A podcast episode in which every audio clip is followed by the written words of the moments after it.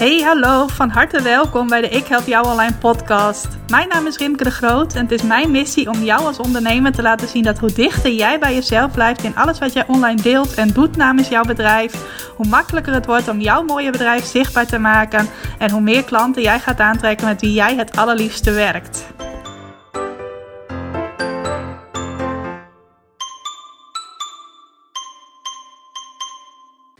Yes, welkom. Welkom bij een nieuwe aflevering van de Ik Help Jou Online podcast. Wat leuk dat je vandaag tijd hebt gemaakt om naar deze gloednieuwe aflevering te luisteren. Bij mij is het momenteel een zonovergoten dag. Ik denk even aan de laatste mooie nazomerdagen die we in uh, september hebben. En ik had eigenlijk in gedachten om vandaag een podcast te maken over de vijf lessen die je als ondernemer kunt leren uit de Tour de France winst van uh, de Nederlandse ploeg Jumbo-Visma. Uh, misschien weet je het misschien ook niet, maar ik ben een enorme sportliefhebber. Ik kijk ook heel graag naar de Tour de France. Die zou dit jaar eigenlijk beginnen op mijn verjaardag op 27 juni. Nou, dat werd even iets later, eind augustus. Maar ik vond het fantastisch dat de Tour alsnog door kon gaan. Want uh, ja, ik geniet er altijd van. Normaal gesproken neem ik zelfs ook speciaal vakantie in de week. En dat de Tour de France bezig is. Ga ik ook na afloop van de Tour de France nog naar een wielerronde hier in Surhuis de Veen in Friesland. Waar dan uh, de tourhelden hun rondjes komen rijden. Dat is altijd een uh, speciaal uitje voor mij. Dus uh, ja, ik was super blij dat de Tour de France alsnog verreden werd. Alleen dat podcast onderwerp dat ik in gedachten had, dat werd hem even niet. Omdat op de ene laatste dag, op de laatste zaterdag van de Tour de France, alles nog even door elkaar werd geschud. En Primoz Roglic, de kopman van de Nederlandse ploeg, uiteindelijk de toerwinst door zijn vingers zag glippen. Dus dat hele onderwerp van mij, dat komt weer in de prullenbak. En ik heb alsnog een heel ander onderwerp voor je gekozen om het vandaag met je over te hebben. En dat onderwerp was ook wel leuk. Dat kwam weer voort uit uh, dat ik afgelopen weken eens even in mijn podcast statistieken dook. Uh, ik heb onlangs een aantal dames geïnterviewd. En ik vond het leuk om even aan een van die dames te laten weten hoe vaak haar interview al was beluisterd. En ik dacht, ik kijk ook eens even wat nou mijn best beluisterde afleveringen zijn. En het grappige was dat de twee afleveringen die tot nu toe het best beluisterd zijn, gingen over geld en verkopen. Nou, dan heb ik ook een poll geplaatst in mijn Instagram stories. Waar vinden jullie het leuk als ik daar vaker over ga praten in mijn podcast? Nou, 75% van de mensen die gestemd hebben, vonden dat nog leuk ook. Dus uh, ik denk dat ik wat vaker over uh, dat best wel brede onderwerp ga praten. Niet uitsluitend. Er zijn andere podcasts voor die helemaal over uh, money mindset of over verkopen en alles wat met geld te maken heeft gaan. Dus je zult sowieso nog gevarieerde afleveringen te horen krijgen. Maar voor deze week heb ik wel een onderwerp uitgekozen dat te maken heeft met het promoten van jezelf en het promoten van jouw aanbod. Nou, moet ik even vertellen. Ik ben momenteel een boek aan het lezen. Dat heet Secrets of the Millionaire Mind. Oftewel, geheimen van uh, de gedachten van miljonairs. Ik denk dat ik het zo ongeveer uh, goed vertaal. Of uit het miljonairsbrein, hoe je het maar wilt noemen. En dat boek is geschreven door T. Harv Eker. Dat schrijf je, mocht je het boek op willen zoeken, als T, spatie H-A-R-V, spatie E-K-E-R. En ik had dat boek al een hele tijd geleden aangeraden gekregen van de uh, business coaches uit Canada, bij wie ik regelmatig trainingen volg. Zij waren helemaal uh, wild van dat boek. En zij hebben T. Harv Eker ook een keer geïnterviewd voor hun podcast. Ze delen er heel veel over wat zij er als inspiratie uit halen.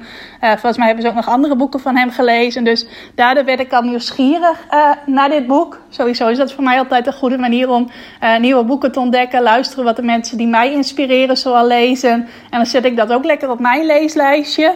Nou, en later was uh, de coach die ik in Nederland graag volg, uh, Kim Munnekom, ook helemaal ver van dit boek. En uh, nou, dat was voor mij nog een extra reden om het zelf ook te gaan, in eerste instantie te gaan luisteren. Ik heb een tijdje een abonnement gehad bij Storytel en toen heb ik dit boek al helemaal beluisterd. Uh, alleen ik merkte dat uh, dit nou typisch een boek is dat ook heel slim is om te lezen. Omdat je het dan veel grondiger uh, in je op kunt nemen dan wanneer je bijvoorbeeld lekker op de bank zit en naar dit boek aan het luisteren bent. Want er zitten zulke waardevolle, belangrijke lessen in dat ik dacht, ik moet dit boek ook kopen en ik moet het allemaal rustig stapje voor stapje nog een keer gaan lezen. En het boek bestaat eerst uit een inleiding waarin het gaat onder andere over je financiële thermostaat. Daar kom ik zo even op terug. En daarna een aantal wealth files. Volgens mij een stuk of 17. Nou, dat zijn een soort, ja, hoe zal ik dat eens vertalen? files met tips of inzichten over hoe arme mensen denken en rijke mensen denken. Je leert in het boek niet zozeer allerlei praktische tips om uh, stinkend rijk te worden, steenrijk te worden. Maar uh, je krijgt wel een inkijkje in hoe rijke mensen nou anders denken dan arme mensen. En ook dan uh, mensen die gemiddeld een financiële situatie hebben. Dat wordt heel erg tegenover elkaar gezet. En in elk van die 17 wealth files krijg je dus één ding te horen waarin rijke mensen verschillen van arme mensen. en daar ga ik straks eentje van uitlichten. En het boek gaat dus in eerste instantie ook over jouw financiële thermostaat.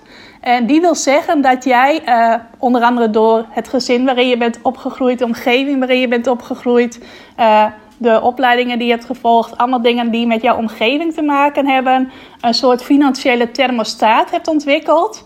En als jij dan ondernemer wordt, dan wil dat zeggen dat jij uh, tot een bepaald omzetniveau kunt komen. En uh, dat je dan ook eigenlijk, als je eenmaal op dat omzetniveau bent, continu dat omzetniveau zult gaan herhalen. Nou, dat is iets wat ik bij mezelf ook merkte. In de eerste jaren van mijn ondernemerschap was ik de boel nog aan het opbouwen. Dus groeide mijn omzet steeds een stapje verder. Maar op een gegeven moment bleef ik uh, elk jaar op hetzelfde uh, omzetniveau steken. Verdiende ik ongeveer elk jaar hetzelfde. Nou, en dat had ook te maken met mijn financiële thermostaat, die op dat omzetlevel was ingesteld.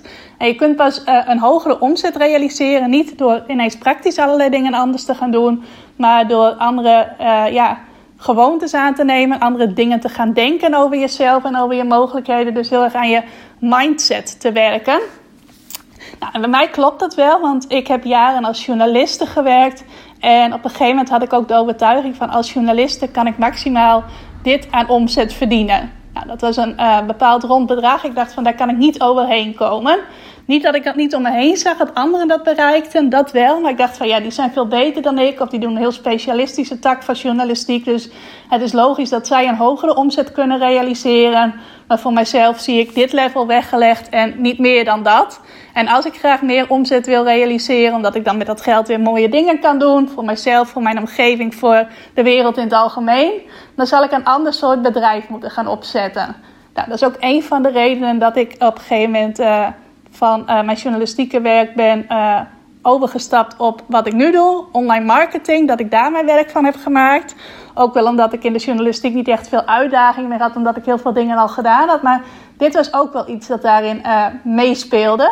Nou, het grappige is, die overtuiging van ik kan niet over dit omzetlevel heen gaan, heb ik alsnog uh, wetend, ja, hoe zeg je dat, te weerleggen misschien in mijn tijd als journalist. Want ik ben er een keertje uh, 3.500 euro overheen gegaan. Boven die zelfbedachte grens waarvan ik dacht van hé, hey, meer dan dat kan ik niet verdienen.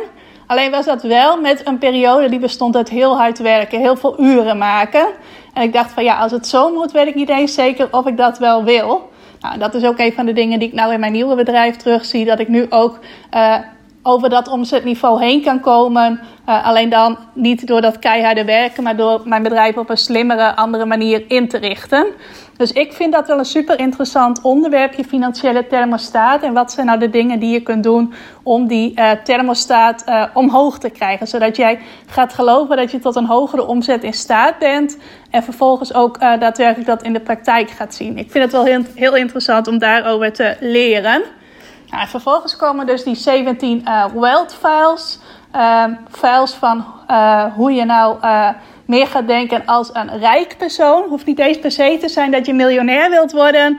Maar uh, ook als je zegt van goh, ik zou best wel uh, meer geld in mijn leven willen hebben. Omdat ik daar weer hele mooie dingen mee kan doen. Het zij voor jezelf of het zij voor anderen.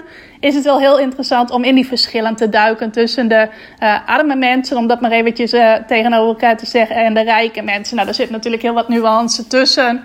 Maar ja, zo is het natuurlijk wel makkelijk om in een boek tegenover elkaar te zetten. Nou, een van die wealth files, die heb ik hier ook eventjes uh, bij mij liggen. Ik heb het boek open liggen. Dat is nummer 8. En daar staat: Rich people are willing to promote themselves and their value. Poor people think negatively about selling and promotion. Oftewel, rijke mensen, rijk ingestelde mensen, zijn altijd bereid om zichzelf te promoten en ook hun waarde, hun aanbod onder de aandacht te brengen. Terwijl uh, arme mensen die denken negatief over uh, alles wat met verkopen en met promotie te maken heeft. Nou, ik hoor dat ook wel eens omheen. Mensen die zeggen van ja, ik zat bij een webinar en natuurlijk deed ze weer een aanbod. Of uh, die en die die mailt wel erg vaak met een aanbod. Nou, als jij er zo in staat, als je op anderen eigenlijk een beetje afgeeft of negatief over anderen bent, omdat zij regelmatig een aanbod doen of regelmatig hun aanbod promoten, dan heb jij qua mindset een arme mindset. Dan val je uh, globaal onder de poor people. Dus je hebt een arme manier van denken. En op het moment dat jij gewoon vrij uit je eigen aanbod durft te promoten en het ook uh, interessant vindt, leuk vindt, uh, het anderen ook gunt omdat zij dat ook doen en je kijkt er op een positieve manier naar, dan heb je meer een rijke mindset. En dan behoor je meer tot de mensen die de potentie hebben om rijk te zijn. Nou, sowieso herken ik dat bij mezelf, dat ik dat heel erg leuk vind als een ander een promotie doet. Omdat ik daar ook weer heel veel van kan leren. Van, hey, hoe pakt hij of zij dat aan? Wat voor soort mail stuurt hij? Wat voor soort uh, lancering doet hij of zij? Wat kan ik daar weer van leren? Wat kan ik daar weer van gebruiken voor mijn eigen lanceringen en mijn eigen promotie? Dus ik vind dat sowieso altijd een hele leuke manier om het tegenaan te kijken. En ik heb ook niet, wat ik ook wel vaak bij anderen hoor, dat jaloerse van, oh, iemand anders heeft een hele succesvolle lancering gehaald. Waarom lukt het bij haar nou niet en bij mij, of bij haar wel en bij mij niet? Nee, als ik zie dat iemand een succesvolle lancering heeft dan ik, dan denk ik altijd van wauw, wat gaaf dat zij zoveel nieuwe klanten heeft. En uh, dat geeft mij ook het perspectief dat het voor mij ook mogelijk is. Ik ben misschien nog wel nog een stukje minder ver dan die ander. Maar als ik dezelfde stappen blijf volgen, als ik mijn pad blijf volgen, dan komt dat voor mij ook. Dan ga ik ook die grotere aantallen klanten kunnen helpen. Dus op die manier kijken, dat is al een heel positief ding. Als je uh, ja, een rijke mindset wilt aannemen en daardoor zelf ook meer geld wilt aantrekken. Nou, in het hoofdstukje over dat uh, promoten, dus komen ook een aantal aspecten aan bod van hoe komt het nou dat jij misschien een negatieve houding hebt ten opzichte van uh, verkopen en promotie. Nou, een van de dingen waardoor dat dan kan komen, en ik blader eventjes door het boek heen naar uh, dat onderdeel, dat is dat je een negatieve ervaring hebt gehad met anderen die jou iets wilden verkopen. In het boek staat: You may have had a bad experience in the past with people promoting to you inappropriately. Ja, kun je meteen even horen of ik wel of niet goed Engels praat. Maybe you perceived they were doing the hard sell on you. Maybe they were bothering you at an inopportune time. Dus ze belden je bijvoorbeeld als het je helemaal niet uitkwam. Uh, maybe they wouldn't take no for an answer. Oftewel van die hele poeserige mensen. Nou, dat is dus precies wel iets wat ik herken. Ik hou er absoluut niet van als mensen mij op een poeserige manier iets proberen te verkopen. Bijvoorbeeld de uh, welbekende uh, bedrijven die aan cold calling doen. Dus die je gewoon opbellen en uh, dan proberen om jou ergens lid van te maken. Of ja, voor mij voelt het altijd alsof ze iets proberen aan te smeren. Nou, uh, ik sta in het bel me niet register ingeschreven, maar heel af en toe word ik alsnog wel gebeld door een bedrijf. En dan maak ik er ook echt een spelletje van om de telefoon dan niet op te nemen. Want ze bellen altijd met een onbekend nummer. En uh, vaak bellen ze je dan wel een keer of twintig achter elkaar, zeker als je niet opneemt. En ik neem dan gewoon al die twintig keer niet op, omdat ik in het verleden dat wel eens heb gedaan. En ik vind het gewoon vervelend om zo'n gesprek met mensen te moeten voeren. Ook omdat ze, wat hier ook in het boek staat, uh, vaak geen genoegen nemen met nee en dan net zo lang op je in blijven praten tot je misschien wel ja zegt. En uh, ja, ik vind dat gewoon niet prettige gesprekken. Dus ik uh, ja, maak daar altijd een spelletje van om dat gewoon niet op te nemen. Nou, dan heb je ook nog de deur-tot-deur verkopers. Uh, die zijn een hele tijd niet langs geweest met corona, maar nu uh, de laatste weken schijnt dat ook weer een beetje op gang te komen. Nou, ik heb een sticker op mijn deur waar staat dat uh, ja, mensen die echt iets komen verkopen niet welkom zijn. Collectanten zijn wel van harte welkom. Als hier iemand aan de deur komt met een collectebus, gooi ik daar altijd iets in. Desnoods keer ik mijn hele huis op mijn kop om te kijken of ik nog ergens kleingeld heb. Maar echt van die uh, ja, poeserige deur-tot-deur verkopers, die kunnen volgens mij mijn sticker niet lezen van anderhalve meter afstand. Dus die bellen nou ineens ook wel weer eens aan. Uh, dat vind ik ook nooit prettige gesprekken om te voeren. Ik kan me nog goed herinneren dat ik uh, een paar jaar geleden, toen zat ik nog op bootcamp hier bij mij in de wijk. En ik was net terug van een training, nog helemaal uh, aan het bijkomen en uithijgen. En zo staat er iemand aan de deur die mij ja, donateur wil maken van een goed doel. En ook zei van, hé, hey, je kan eenmalig een donatie doen en daarna stopt het automatisch weer. Nou, die was zo opdringerig tegen mij dat ik me gewoon gedwongen voelde om ja te zeggen. En ehm, dat ik uh, ja, daar dus donateur van ben geworden. En uiteindelijk bleek het gewoon elke maand door te lopen. En ontzettend lastig te zijn om er weer van af te komen. Uh, geld werd nog gewoon afgeschreven terwijl ik het al had opgezegd. Dus dat was voor mij ook een heel negatieve ervaring. Nou is dat niet een negatieve ervaring in mijn geval, die ook meespeelt in dat ik daardoor mijzelf niet promoot of zo. Want ik promoot mezelf wel en mijn aanbod. Uh, want ik weet gewoon inmiddels uh, dat er ook andere manieren zijn om mijn aanbod te verkopen. En dat ik dat soort methoden in elk geval niet nodig heb. Ik heb ook helemaal uh, ja, mijn specialisme gemaakt van verkopen vanuit lanceringen. Niet van niks dat ik daar ook een training omheen heb gecreëerd. En bij mij is dat dus niet iets wat meespeelt in de zin van, oh, daarom wil ik mezelf niet promoten. Maar het zou wel iets kunnen zijn wat jij eens bij jezelf kunt uh, onderzoeken. Wat zijn de manieren waarop mensen jouw dingen proberen te verkopen? En ervaar je die als prettig of als onprettig? Nou, zelf ervaar ik uh, mensen die proberen mij een aanbod te verkopen vanuit uh, ja, wat meer soft selling. Dus de, ja, de minder harde manieren van verkopen. Dat ervaar ik nooit als onprettig. Sterker nog, ik heb afgelopen week een uh, training gevolgd, ook weer een bootcamp. En uh, daarin werd uh, gisteravond een aanbod gedaan voor een vervolgtraining. En ik had eigenlijk al bij voorbaat besloten dat ik die training heel graag wil doen. Omdat ik voel dat dat echt iets is wat mijn bedrijf weer een level verder kan helpen.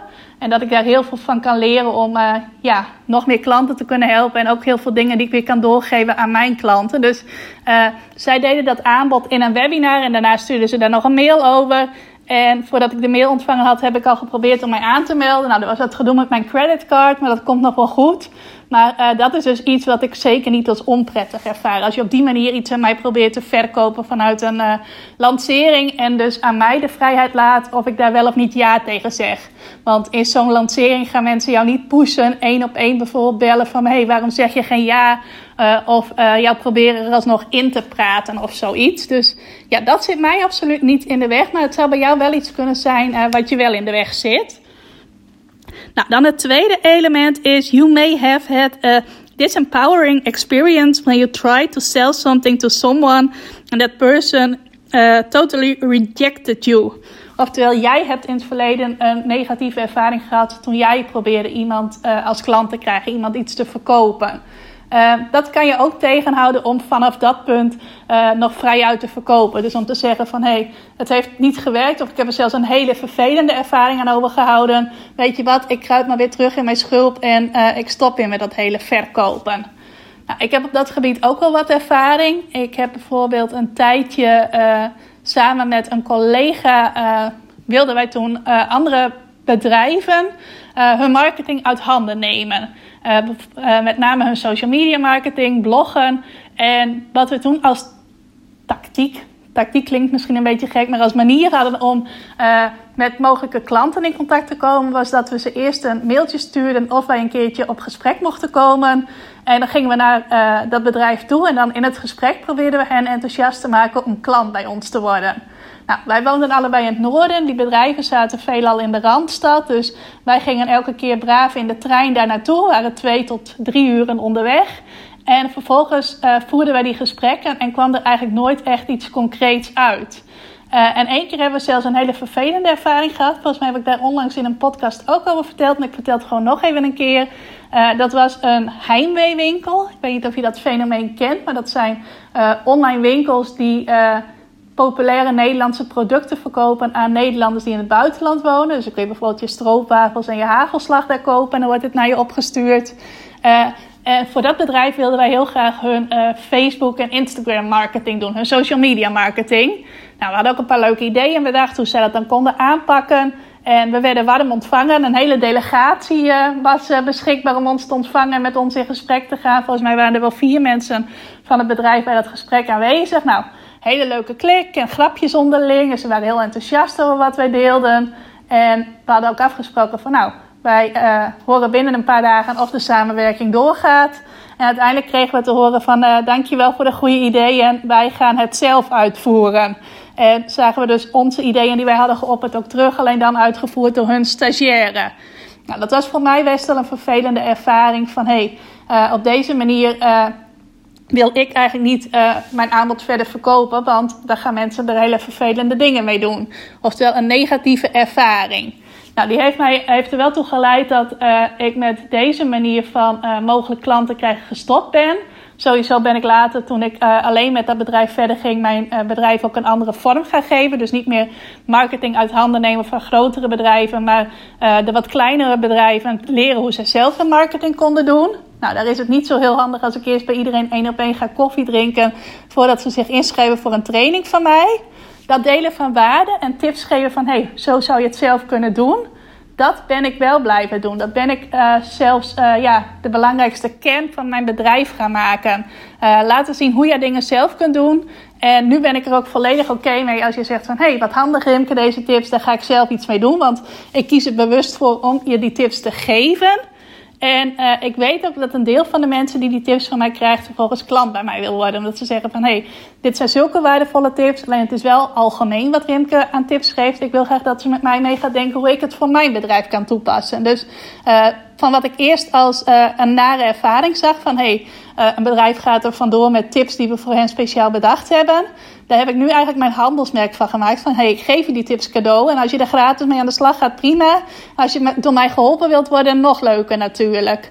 Maar het kan dus zijn dat jij ook een vervelende ervaring hebt met een bepaalde vorm van uh, jezelf promoten of van verkopen. En dat je daardoor laat weerhouden om uh, nu nog vrijuit uh, je mooie aanbod te promoten. Ook iets om bij jezelf na te gaan. Nou, dan de derde. Eventjes kijken.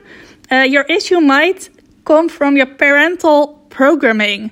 Many of us were told that it's impolite to uh, toot your own horn. Well, that's great if you make a living as Miss Manners, but in the real world, when it comes to business and money, if you don't root your horn, I guarantee nobody will. Nou, ik ken niet alle woorden die in dit stukje tekst zaten, maar volgens mij uh, komt dat ongeveer neer op dat we vaak van onze ouders hebben meegekregen. Uh, bescheidenheid, zie je de mens. Of doe maar gewoon, dan doe je al gek genoeg. Allemaal van die dingen van, uh, nou ga maar niet te veel uh, over jezelf opscheppen of over je mooie aanbod opscheppen. Want ja, bescheidenheid, dat is echt een deugd. Nou, dat soort dingen zijn natuurlijk ook niet heel handig als jij ondernemer wordt en je hebt een heel mooi aanbod en uh, ja, je realiseert je dat het belangrijk is om dat aanbod onder de aandacht te brengen en om te laten zien hoe goed jouw aanbod is en hoe goed jij ook bent en dat mensen juist bij jou moeten zijn. Dan kunnen al die overtuigingen die je van huis uit hebt meegekregen en ik heb die ook wel meegekregen, die kunnen je ook tegenwerken om te gaan promoten en jezelf en je aanbod zoveel mogelijk te verkopen, omdat dat een beetje tegennatuurlijk voelt uh, ten opzichte van hoe je bent opgegroeid. Dus ook iets om bewust van te zijn. En zodra je daarvan bewust bent, kun je ook heel bewust ervoor kiezen om afstand te nemen van die gedachte van hey, alleen maar bescheidenheid zie je de mens. Nee, het is net zo mooi als jij uh, minder bescheiden bent en daardoor meer mensen bereikt en daardoor echt iets voor mensen betekent. Dat je het op een andere manier gaat zien. Een manier die je veel meer helpt op het moment dat jij ondernemer bent. Dus dat is ook een mooie om bij jezelf na te gaan van hey, heb ik van huis uit bepaalde overtuigingen meegekregen? Nou, ik kom zelf absoluut niet uit een ondernemersfamilie, dus uh, ik heb niet van huis uit of op school meegekregen van hey, je moet je mooie aanbod zoveel mogelijk onder de aandacht brengen. En uh, ja, voor jou is het ook een goede manier, of een goed ding om eens na te gaan.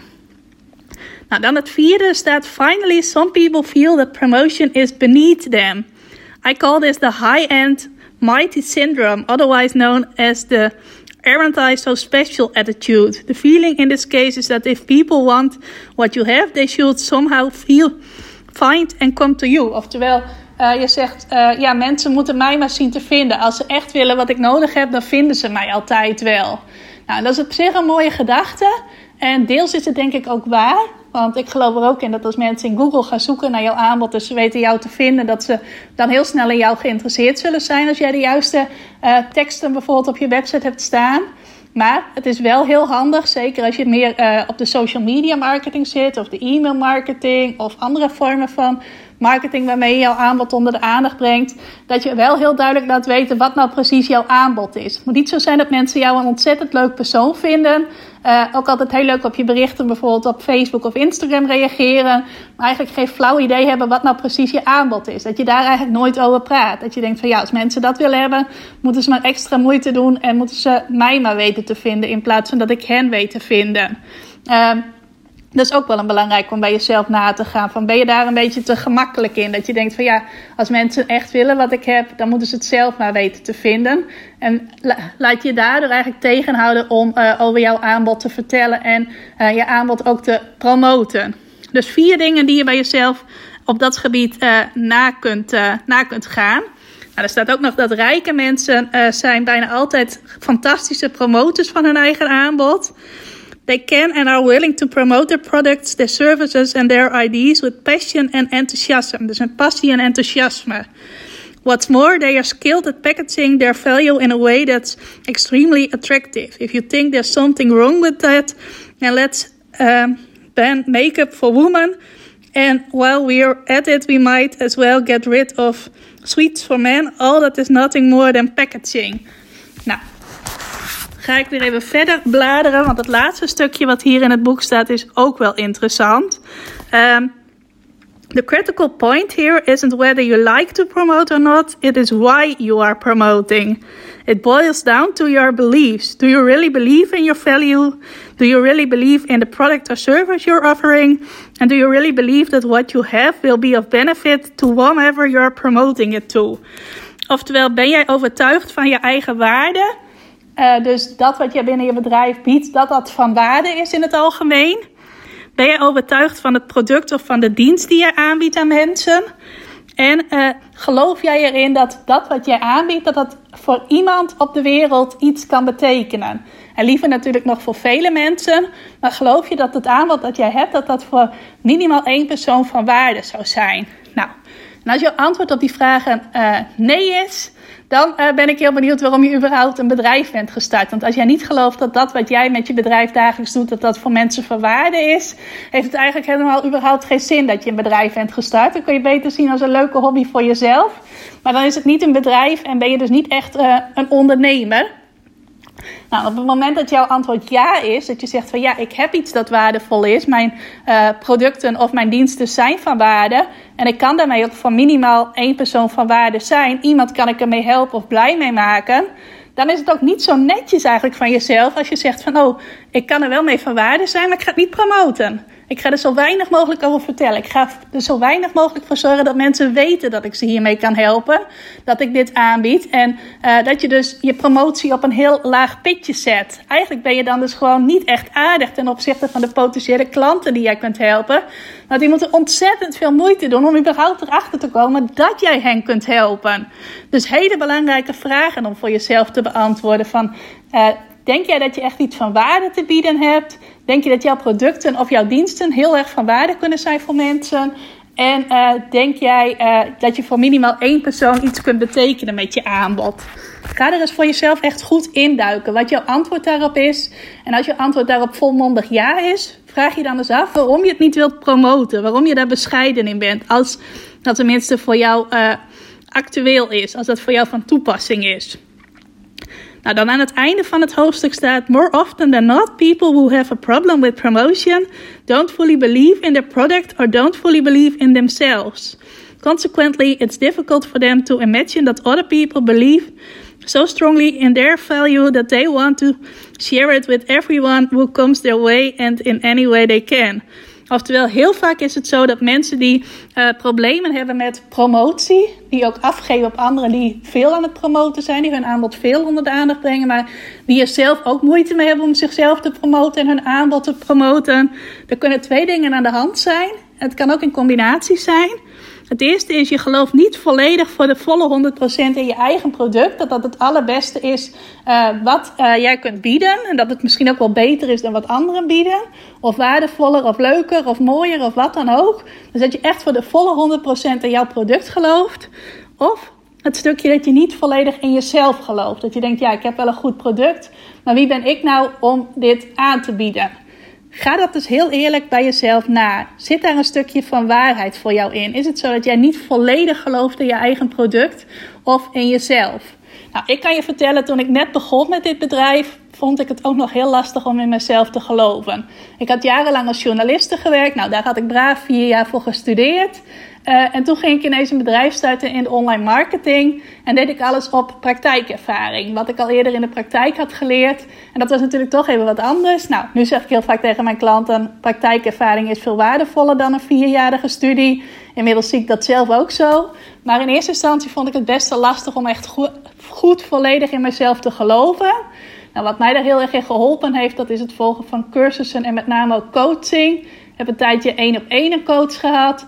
Um, nu volg ik regelmatig groepscoaching. En ik merk dat naarmate je dat gaat doen, dat je vanzelf ook wel zelfverzekerder wordt. Meer in jezelf gaat geloven.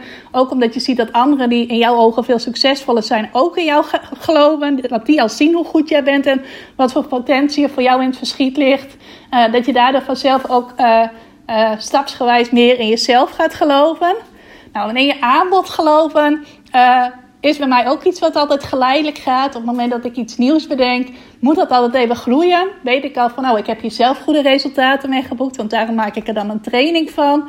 Maar pas als ik dan zie dat mijn eerste deelnemers ook goede resultaten behalen en als ze dat naar mij teruggeven, dan ga ik sterker geloven in mijn aanbod. Uh, ga ik ook de prijs omhoog durven te doen. Ik begin vaak met een heel betaalbare prijs om dan uh, gaandeweg daar steeds meer klanten mee te helpen en dan mijn prijs ook omhoog te doen. Dat werkt voor mij heel goed. En inmiddels kan ik wel zeggen, de twee trainingen die ik nu heb en waar ik ook uh, het komende jaar echt mijn uh, core business van ga maken. De training continu klanten uit je website en continu klanten uit je lancering. Daar heb ik ook met mijn klanten, niet alleen met mezelf, maar ook met mijn klanten, zulke fantastische resultaten mee geboekt. Dat ik nu gewoon wel kan zeggen van ja, dit is gewoon de beste uh, training die ik je in elk geval kan bieden op dit gebied. Bijvoorbeeld met de continu klanten uit je website. Ik weet dat er ook heel veel uh, trainingen op dat gebied zijn van wat ik maar even noem de snelle SEO-jongens. Nou, die zijn zo, ze kunnen het allemaal heel goed aan je leren. Ze boeken zelf heel veel resultaten. Maar ze hebben nog wel eens moeite om de vertaalslag te maken naar dingen uitleggen in gewone taal. Ze willen vaak heel graag laten zien wat voor moeilijke woorden ze kennen. Uh, waardoor uh, de gewone ondernemer, om het zo maar even te zeggen, het vaak helemaal niet kan volgen en er daardoor geen resultaten uithaalt. Nou, en dan zie ik ook om me heen dat er heel veel blogdames zijn waarbij je blogcursussen kunt volgen. Maar dat die vaak dan weer op het punt zijn van, oh, SEO is lastig en uh, dat heb je ook helemaal niet nodig. Uh, dus die zijn weer het hele andere kant van het spectrum. En ik merk dat ik iemand ben die daar tussenin zit. Die SEO wel snapt, maar die ook in staat is om dat uit te leggen op een uh, manier waardoor het ook voor iedereen begrijpelijk en toepasbaar is. En iedereen ook in staat is daar goede resultaten mee te boeken. Nou, sinds ik dat inzicht heb gekregen en ook zie wat voor geweldige resultaten mijn klanten boeken, durf ik ook nog meer in uh, mijn training te geloven. En ook uh, bijvoorbeeld aanstaande november ga ik weer uitpakken met een grote lancering. En durf ik dat ook nog groter aan te pakken. Omdat ik gewoon weet, ja, het is een steengoede training. Er mogen zoveel mogelijk mensen over horen. Er mogen zoveel mogelijk nieuwe deelnemers weer bijkomen voor die training. En uh, ja, er is eigenlijk nu niks wat mij tegenhoudt om die volledig vol enthousiasme te promoten. En te kijken of ik in november weer zoveel mogelijk ondernemers kan laten starten. En ga het dus bij jezelf naar. Hoe sterk geloof jij in jezelf? Hoe sterk geloof jij in je aanbod? En als je merkt dat dat nog niet sterk genoeg is, wat is dan een stap die jij kan nemen zodat je daar wel sterker in gaat geloven? Wat heb je nodig? Want dit stukje is ontzettend belangrijk in je bedrijf. Het gaat er echt voor zorgen dat als je daar beter in wordt, of als je dat sterker gaat voelen, beter gezegd, dat je dan ook veel meer succes gaat aantrekken. Dat je veel meer klanten mag helpen, ook nog leukere klanten mag helpen. Uh, je omzet kan laten groeien, daardoor zelf weer uh, mooie investeringen kan doen in je bedrijf of van betekenis kunt zijn voor anderen. Uh, jij kunt weer mooie dingen doen met dat geld dat jij binnenbrengt op het moment dat jij jezelf zonder scrupules durft te verkopen. Nou, dat was dus een van die wild files uit dat boek Secrets of the Millionaire Mind. Ik noem het nog maar eventjes. Uh, die ik graag met je wilde delen. Omdat ik denk dat het voor heel veel mensen uh, interessant is. Ik heb hier ook een keer een poll op Insta over gehouden van... Uh, ben je iemand die zichzelf makkelijk promoot of ben je daar negatief over? Nou, dan krijg ik heel veel stemmen van ondernemers die het lastig vonden om zichzelf te promoten. Die het als iets negatiefs zagen. Dus ik denk dat het wel voor veel mensen hulpvaardig is. Laat het me ook eventjes weten als je dat leuk vindt. Laat even weten wat je uit deze podcast gehaald hebt. Laat ook even weten hoe je mijn Engelse uitspraak vindt. Nee, grapje. Laat even weten of je er iets waardevols of iets inspirerends of een aha uit hebt gehaald. Je mag me altijd even een privéberichtje sturen als je dat leuk vindt. Mag op Insta help ik help jou online. Uh, je mag het ook in je stories delen. Kunnen anderen er ook nog iets uithalen. Uh, en doe je ook nog mee aan mijn leuke actie. Van één keer per kwartaal ga ik drie ondernemers die iets van mijn podcast gedeeld hebben. uitnodigen voor een eh, QA. Nou, dat komt al bijna, want dat ga ik begin oktober voor het eerst doen. als je op een ander kanaal mij volgt of met mij in contact bent, mag je het gerust ook daar delen. Vind ik ook leuk om van je te horen. Dus laat het eventjes weten. Dankjewel ook voor het luisteren. En ik wens je nog een fijne dag. Dankjewel voor het luisteren naar deze aflevering van de Ik Help Jou Online podcast. Vind je nou net als ik dat deze podcast nog veel meer mensen mag bereiken en mag inspireren? Zou je mij dan misschien willen helpen? En dat kun je op twee manieren doen. Als jij de podcast beluistert via de Apple Podcasts app, dan kun je daarbinnen een review voor mij achterlaten. Nou, je kunt een aantal sterren geven, je kunt er ook nog een tekstje bij schrijven. Dat laatste, daar zou je me helemaal blij mee maken, want uh, dat soort reviews wordt nog zwaarder meegeteld en daardoor kan ik nog meer mensen bereiken met de podcast. Nou, heb je geen Apple Podcast apps of wil je misschien nog iets extra's doen? Deel dan, als je wilt, even een screenshot van dat je deze podcast luistert in je Instagram stories. Tag mij daarin. Zet er ook even bij wat het meest waardevol of inspirerende is dat je uit deze aflevering gehaald hebt. Nou, zodra ik dat zie, zal ik dat ook weer delen in mijn stories. Dus jij krijgt ook nog extra bereik. Naast dat je mij enorm helpt door ook bij jouw storykijkers mijn podcast onder de aandacht te brengen. Nou, duizendmaal dankjewel als je dat wilt doen. En ik hoor je graag weer bij je volgende podcastaflevering.